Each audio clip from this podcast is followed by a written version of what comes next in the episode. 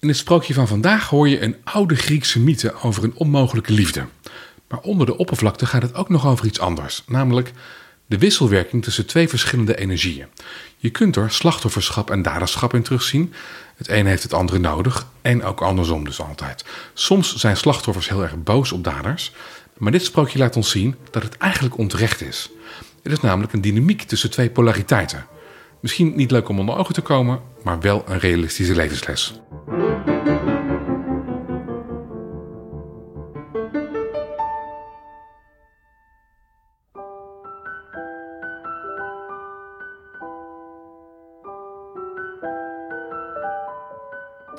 Marlijn van Ast, welkom. Uh, hoe lang heb jij je slachtoffer gevoeld in je leven? Goh. Uh, heel lang eigenlijk. Ja? Een mooie vraag. Ja, echt. Ik en denk, was je het uh, ook? Hmm, als kind wel, daarna als volwassene niet. Maar ik wist ook niet hoe ik ermee om moest gaan. Maar ik wist wel dat ik, dat ik de enige was die het kon doorbreken. Maar ik wist niet hoe. Maar dat wist je pas toen je al een heel eind op weg was in je slachtofferschap? Ja, ja. Goh, ja, er gebeurt van alles nu bij deze vraag. Want ik vind, ja, heel interessant. Wat gebeurt er nog meer? Nou, dat ik denk, oh, en toen wel en toen niet. En oh, er gaan allemaal beelden aan mij voorbij. Ja. Waar was je geen slachtoffer?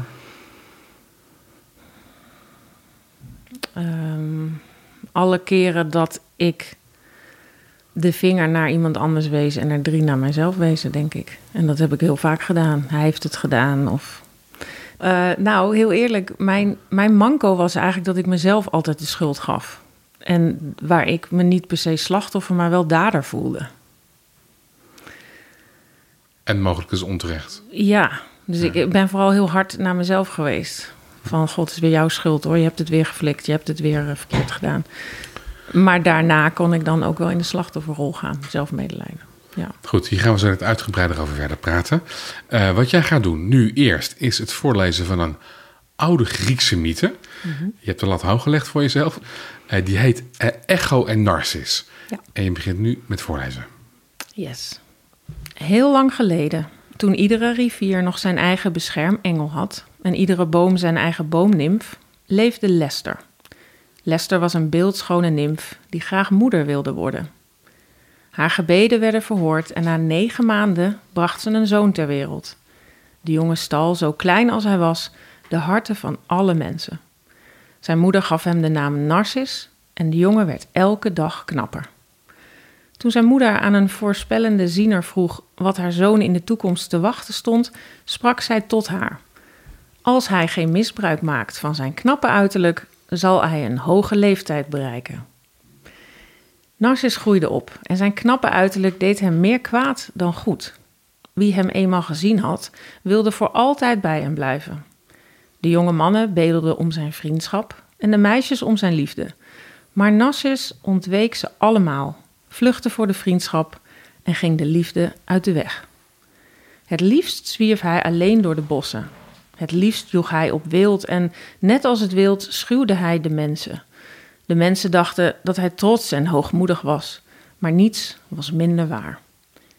Terwijl hij angstige herten in netten joeg, raakte een praatgrage boomnimf van hem in de ban.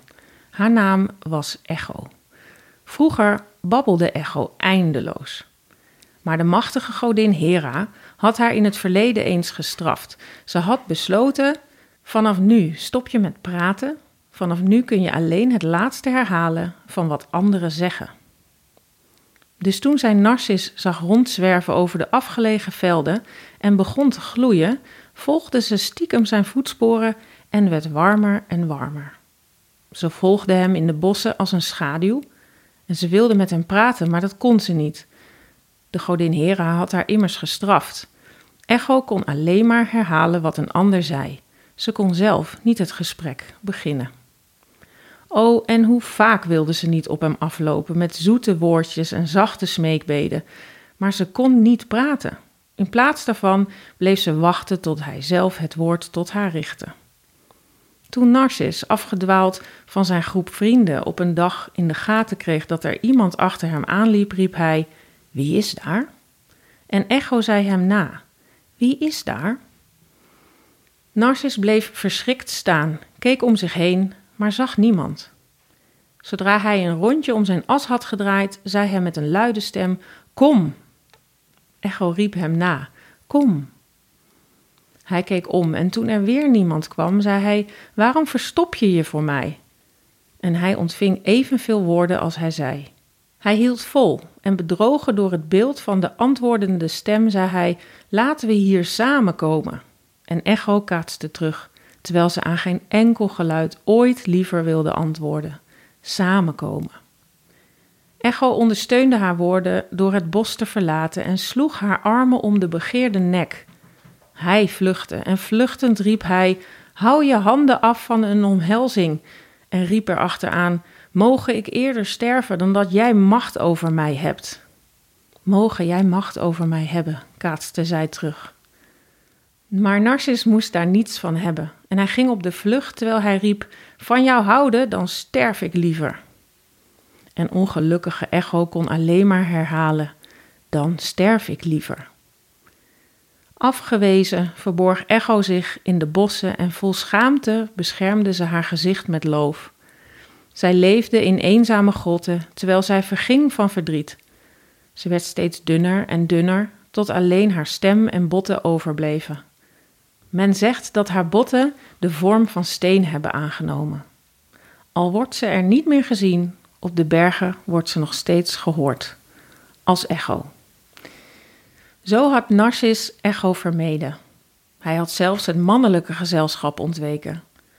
Toen had iemand met beledigend opgeheven handen naar de lucht gezegd: Mogen hij alsjeblieft van zichzelf gaan houden, mogen hij nooit zijn geliefde krijgen. De godin uit Ramnus had geluisterd naar deze rechtvaardige smeekbeden. Zie daar, een prachtig meertje, glinsterend met zilveren golven. Een meertje dat nooit door herders of geiten of ander vee was aangeraakt. Waar geen vogel of wild beest ooit rust verstoorde. En waar zelfs geen enkel blad van de bomen was gevallen. Rondom het meertje was een wilderig grasveld dat gevoed werd door het nabije water. En een bos dat zich verzette tegen de zon. Hier, vermoeid door de jacht en de hitte, volgde de jongen zowel de schoonheid van de plek als zijn dorst. Terwijl hij zich bukte om zijn dorst te lessen, ontwaakte er een andere dorst in hem: de dorst naar liefde. Getroffen door het beeld van een verschijning zonder fysiek lichaam, meende hij dat er een lichaam was. Hij verbaasde zichzelf en bleef bewegingloos zitten met hetzelfde gezicht als een beeld gehouwen uit marmer. Zittend op de grond bekeek hij met bewondering zijn eigen spiegelbeeld, met ogen als twee schitterende sterren, een ivoren hals, een prachtige mond en een blos vermengd met sneeuwwitte blankheid. Hij bewonderde alles wat hem bewonderenswaardig maakte. Zonder het te beseffen verlangde hij naar zichzelf, want degene die lief heeft, wordt ook geliefd. Terwijl hij werd overweldigd door verwarring, bleef hij zitten in gelijke mate bekoord en verteerd door verlangen. Hoe vaak kuste hij tevergeefs de bedrieglijke reflectie in het water? Hoe vaak dook hij zijn armen in het water in een poging om de geziene hals vast te grijpen, maar greep hij enkel naar zichzelf? Hij begreep niet wat hij zag, maar wat hij zag verteerde hem. Hetzelfde schijnbeeld dat zijn ogen bedroog, wakkerde zijn verlangen aan. En dus vroeg hij: Wie je ook bent, kom hierheen. Waarom, bijzondere jongen, misleid je mij? En waarheen vertrek je, hoewel door mij begeerd? Het is zeker niet mijn uiterlijke of mijn leeftijd waarvoor je vlucht. En ook nimfen hebben mij bemind. Jij belooft mij, ik weet niet wat voor hoop, met je lieve gezicht. En wanneer ik mijn armen naar jou heb uitgestrekt, strek jij ze terug. Wanneer ik heb gelachen, lach jij me toe. Ook heb ik vaak tranen opgemerkt wanneer ik huilde. Ook stuur jij met hoofdknik signalen terug voor zover ik dat vermoed. Door de beweging van je mooie mond kaats jij woorden terug die niet bij mijn oren aankomen. Elke keer wanneer Narcis het gezicht aanraakte, kwam het water in beweging en het beeld verdween. Toen bemerkte hij dat het zijn eigen gezicht was en zijn verdriet werd des te groter. Zodra hij keek in het weer gladgemaakte water, verdroeg hij het niet langer. Zoals blonde ochtenddauw gewend is te smelten door de warme zon, zo kwijnde hij weg, verzwakt door liefde. Niets bleef over van het lichaam dat eens Echo had bemind. Toen zij hem zag, hoewel ze boos was, had ze toch pijn. En telkens wanneer de ongelukkige jongeman ach had gezegd, herhaalde zij ach met weerkaatsende stemmen. Narcis keek nog eenmaal in het water en zei: Ach, te vergeefs, mooie jongen. Vaarwel. En ook de echo zei: Vaarwel. Narcis legde zijn vermoeide hoofd in het bloeiende gras. En de dood sloot zijn ogen. Toen een paar van zijn vrienden hem wilden begraven, zagen ze het lichaam van Narcis niet meer. In plaats daarvan groeiden er in het gras prachtige gele bloemen. Ah, dus daar is waar die gele bloemen vandaan komen. Ja, wist je niet, hè? Nee, dat wist ik wel. nee, dat wist ik natuurlijk wel. Maar eh, toch leuk om nu het bronverhaal daarvan eh, te horen. Ja. En te horen waar het eigenlijk allemaal eh, vandaan komt. hey, eh, leg eens uit. Wat, eh, eh, ja, waar gaat dit over? Ja, dit gaat ehm, heel erg over de dynamiek die ontstaat tussen Echo en Narcis. En wat heel mooi is, je kent het narcisme inderdaad inmiddels, maar heel veel mensen kennen egoïsme, kennen ze niet. Het Nee. egoïsme wel, maar egoïsme, ja, daar hoor je is eigenlijk dat nooit. iets? Ja, maar ja, je kan erover lezen, ja. En wat is dat? Nou, het egoïsme gaat eigenlijk over het eh, eh, weerkaatsen van wat het, een, een, in dit geval een narcist, doet. Dus laten we het zo zeggen, een narcist heeft een echo nodig. En zonder echo kan narcist niet bestaan en zonder narcist kan echo niet bestaan. Ze hebben elkaar nodig. En die dynamiek, ja, die houdt hun in balans. Het is dus een dynamiek. Ja. Het is een giftige dans. Ja, Ze hebben elkaar nodig. De een kan niet zonder de ander. ja, Eh, echo kan niet zonder narcis en narcis kan niet zonder echo. Waar we soms geneigd zijn om te denken... eh, narcisme, dat is slecht en dat moeten we vanaf. En eh, ja, dat is naar. dat is naar, dat is daderschap. Mhm. Maar welke rol speelt echo dan hierin? Ja, mensen denken vaak het slachtoffer. Ja. Maar in deze echo heeft het aandeel erin dat zij herhaalt wat Narcis zegt en maakt, doet alsof het waar is.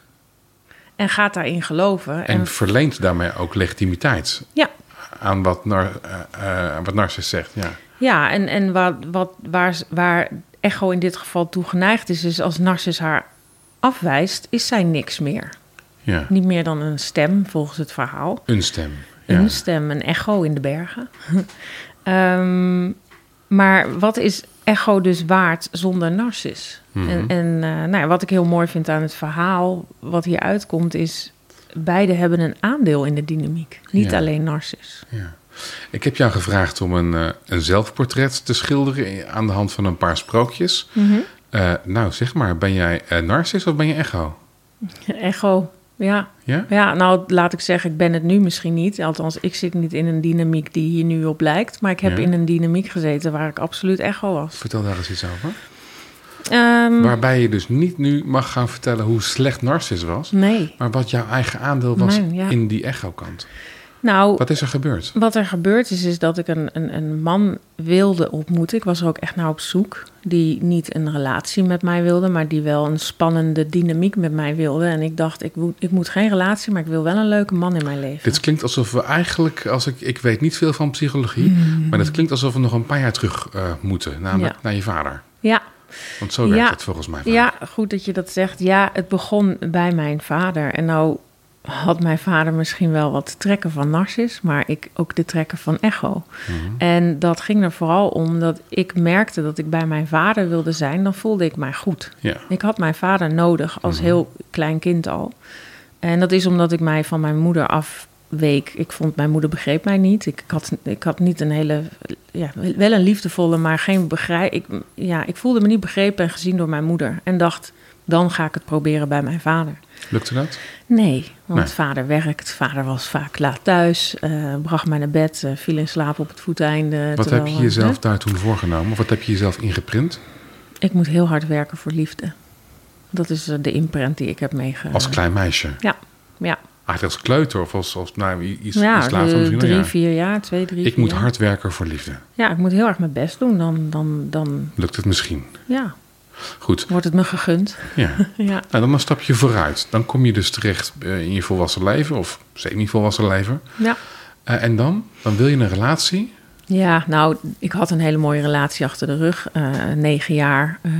Ik, ik, ik, was, ik, wa- ik, ik, ik wilde eventjes niet mij moeten vastleggen... en weer verantwoording en, en, en verwachtingen en al dat soort dingen. Ik wilde eigenlijk gewoon een beetje lol maken.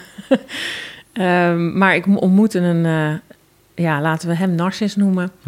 En ehm, dat had ik niet meteen door dat dat de dynamiek was. Maar vrij snel werd duidelijk, deze man was gebonden. Kon niet zich geven, was emotioneel niet beschikbaar. Ja, Ja. had een gezin. Eh, maar toen was ik al verliefd. Ja, en waar, waar, waar ja, dit klinkt heel slecht als ik dat nou zo zeg, maar waar normale vrouwen dan zeggen: Oh, rode vlag, man is getrouwd en heeft kinderen. Ja. Dacht jij? Ik dacht, nou dat maakt niet uit, ik wil toch geen relatie. Ja, ik heb het allemaal, dat is het echo. Wat hij zei, we hebben toch gewoon plezier. We zijn er als we er allebei tijd voor hebben. Ging ik dat echoen, hè? Dus ik, ik zei, nee, Jij- dat klopt ook, ik wil het ook goed, niet. een goed punt heeft hij Ja, ja, en ik ben ook helemaal niet klaar voor een relatie. En je komt toch ook net uit een relatie. Nou, dan krijg je dat een beetje. Maar ja, wat, wat er uiteindelijk gebeurde, is dat... En dit, en sorry, dit, Ja. dit, dit napraten, ja, dat deed je niet omdat je een gebrek aan karakter hebt, of, maar, maar dat deed je omdat je eigenlijk aan hem vastklampte of zo? Of hoe, hoe, ja, hoe, wat, werkt dat? ja ik, ik dacht wel... Hoe werkt die ehm, echo? Dat hij altijd zei, ooit. Ooit zullen wij samen zijn. En dan zei ik, ooit. En dat ging ik geloven. Dat wilde ik ook gaan waarmaken. Dus wat, wat ik dacht, nee, nu hoeft het niet. Maar straks als ik het wel wil en we zijn er klaar voor... dan ga jij bij jouw vrouw weg en dan kom ik in de picture... en dan worden wij samen gelukkig eh, happy end. Ehm, dus ik ging... En de, de overtuiging, ik moet hard werken voor liefde... ging samen met... ehm, ik wil ook wat hij wil, want ik wil hem. Ja. En toch eventjes, hè, om, het, om het proberen te begrijpen, ook voor Mhm. mezelf. Want ik ken de dynamiek, eh, ik geloof het niet op deze manier. nee, maar Ja. Mhm. goed mogelijk op een andere manier wel. Maar niet op deze manier. Wat je beschrijft eigenlijk in de dynamiek is... hij bedroog je of hij had valse voorwenselen. Hij probeerde je te manipuleren en jij was daar het slachtoffer van. Maar waar zit de slechtheid in jou in deze echo? Nou, de slechtheid in mij is dat ik op een gegeven moment alles voor hem ging doen. Tot aan dat hij allerlei hele leuke, interessante voorstellen had. En dat was: ga eens daten met andere mannen. Wat jij deed was jezelf verlaten. Ja, ik dacht: wat jij wil, dat vind jij spannend. Dan krijg ik jouw liefde. Sorry, Dan verlaat ik ik praat mijzelf. eroverheen. Daten met andere mannen. Ja, hij vond het een heel spannend idee als ik eh, dates had met andere mannen voor geld. Dat heet escort in Nederland. Ja, En hoewel ik een hele spannende dat heet escort. avontuur. Dat heet soms ook prostitutie. Ja, ja, klopt. Ja. Excuus. Dat is Nou ja. de officiële, nou, sekswerker. Ja. En dat vond hij een spannend idee. Ja, Waarom? Eh, omdat Dat maakt hij, niet zo heel veel uit. Waarom Nee. vond jij het een spannend idee? omdat ik eh, besefte dat hij dat heel opwindend vond als ik dat deed, Mhm. dan vond ik het ook heel opwindend. Echo. Ehm, Vond je het ook echt zelf opwindend? ik wilde het uitproberen. En ja, er zijn zeker spannende momenten geweest. Zeker de eerste date. Ehm, maar wat mij elke keer weer dreef om dat te doen was... ja, hij is trots. Hij is eh, blij. Hij houdt van me als ik dit doe. Het, het klinkt eigenlijk heel verschrikkelijk. Nou ja, maar dit is iets waar je het jarenlang in waar hebt ik in heb gezeten. Ja, de En- dynamiek was... als ik maar alles doe wat jij graag wil... dan krijg ik daarvoor liefde terug. Was dat ook zo? Nee, uiteindelijk niet. Maar wat echo ook doet, is genoegen nemen met minder. Of met minder genoegen nemen. Zelfs of met genoegen minder nemen, kan je zelf zeggen. Ehm, het, nieuw, het normaal werd steeds...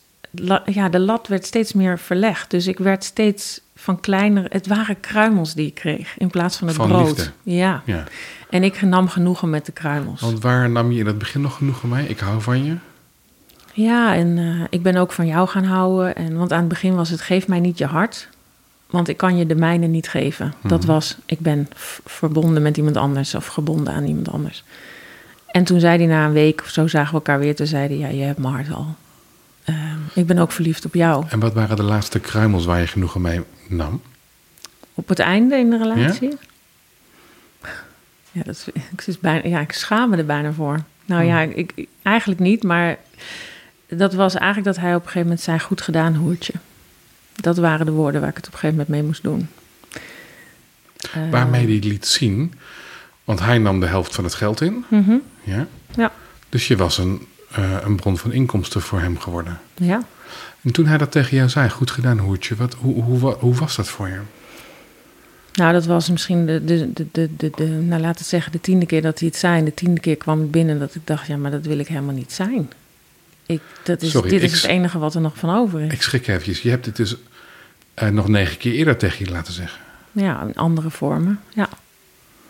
Ja, dat ik eh, voor een hotel stond en dacht, ik wil dit eigenlijk niet doen. Ik heb geen zin in deze date. En ik was in de war en ik, ja, ik zat al ook behoorlijk aan de grond qua alcoholgebruik. Dus ik denk dat ik ook niet meer helemaal lekker helder was.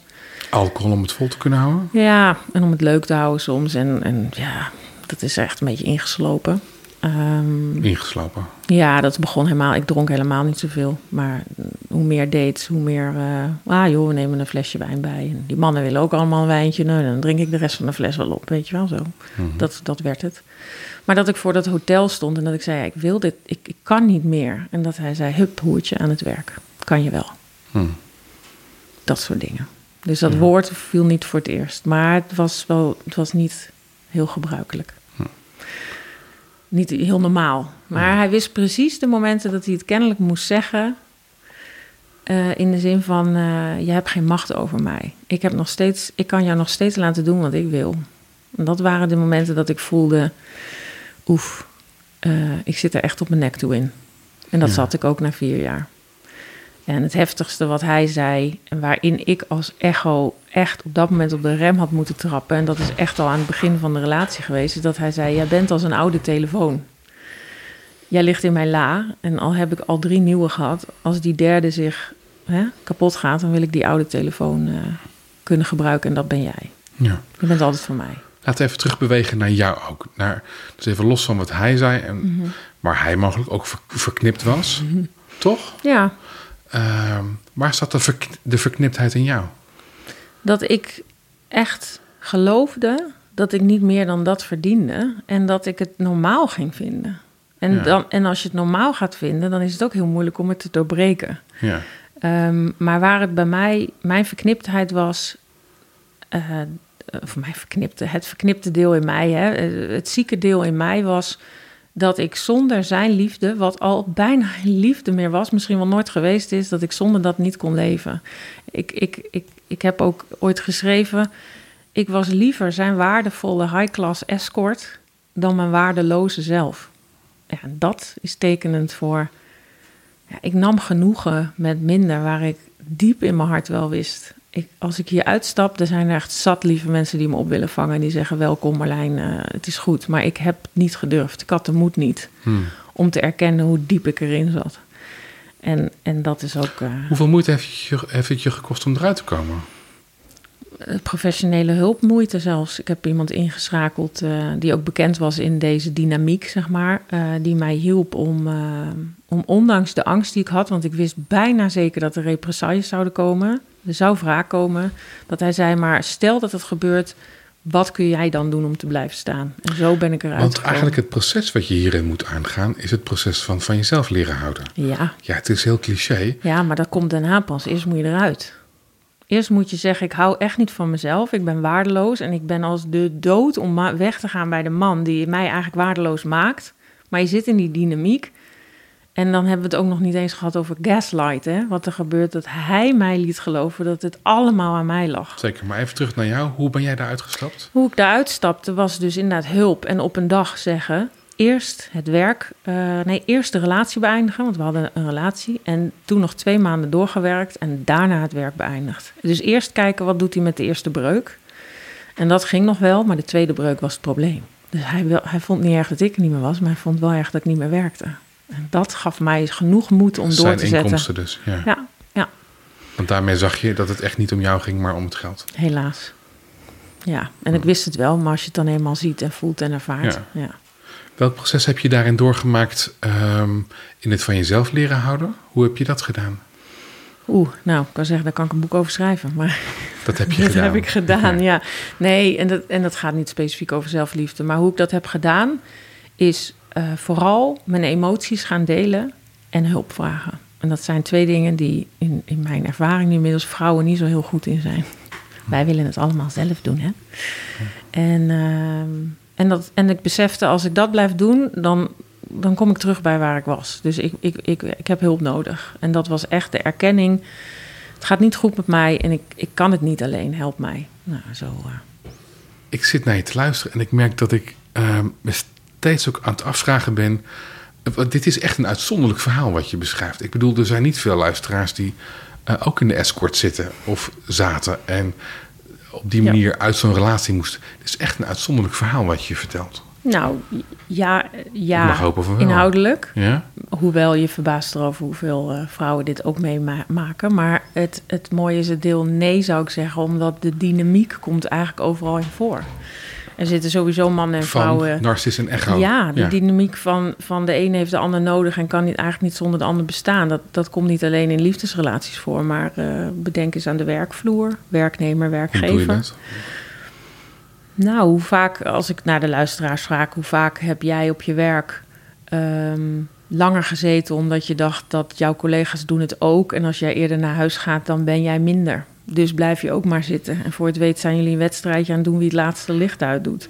Het is ook een soort dynamiek. Of het accepteren van een toxische leidinggevende. Ja, of een leidinggevende die inderdaad jou doet geloven dat jij toch elke keer ernaast zit, terwijl jij in je gut feeling voelt dat het niet klopt. Maar je weet wel, het is de baas en ik kan er eigenlijk niks van zeggen, want straks heb ik mijn baan niet meer. Dus wat jij zegt, eigenlijk, wat jij hebt meegemaakt is wel bijzonder. Mhm.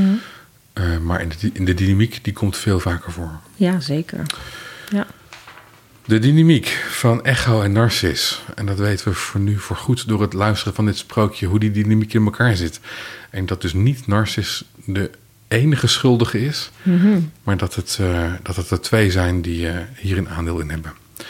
Eh dankjewel Marlijn voor het voorlezen en bespreken van dit sprookje. Dankjewel. Dankjewel. Eh Echo en Narcis dus in een Sprookjespodcast. Ook jij dankjewel voor het luisteren. In de Sprookjespodcast hoor je elke aflevering een nieuw sprookje van over de hele wereld. Mijn naam is Basti Barancini en vandaag hoorde je Marlijn van Ast. Marlijn was verslaafd aan alcohol, cocaïne en liefde. En die laatste was misschien wel het heftigst. Ze schreef een erg mooi boek over haar afkikproces. Eén is te veel, duizend nooit genoeg. Kijk ook op marlijnvanast.nl en ik zal een link in de show notes zetten.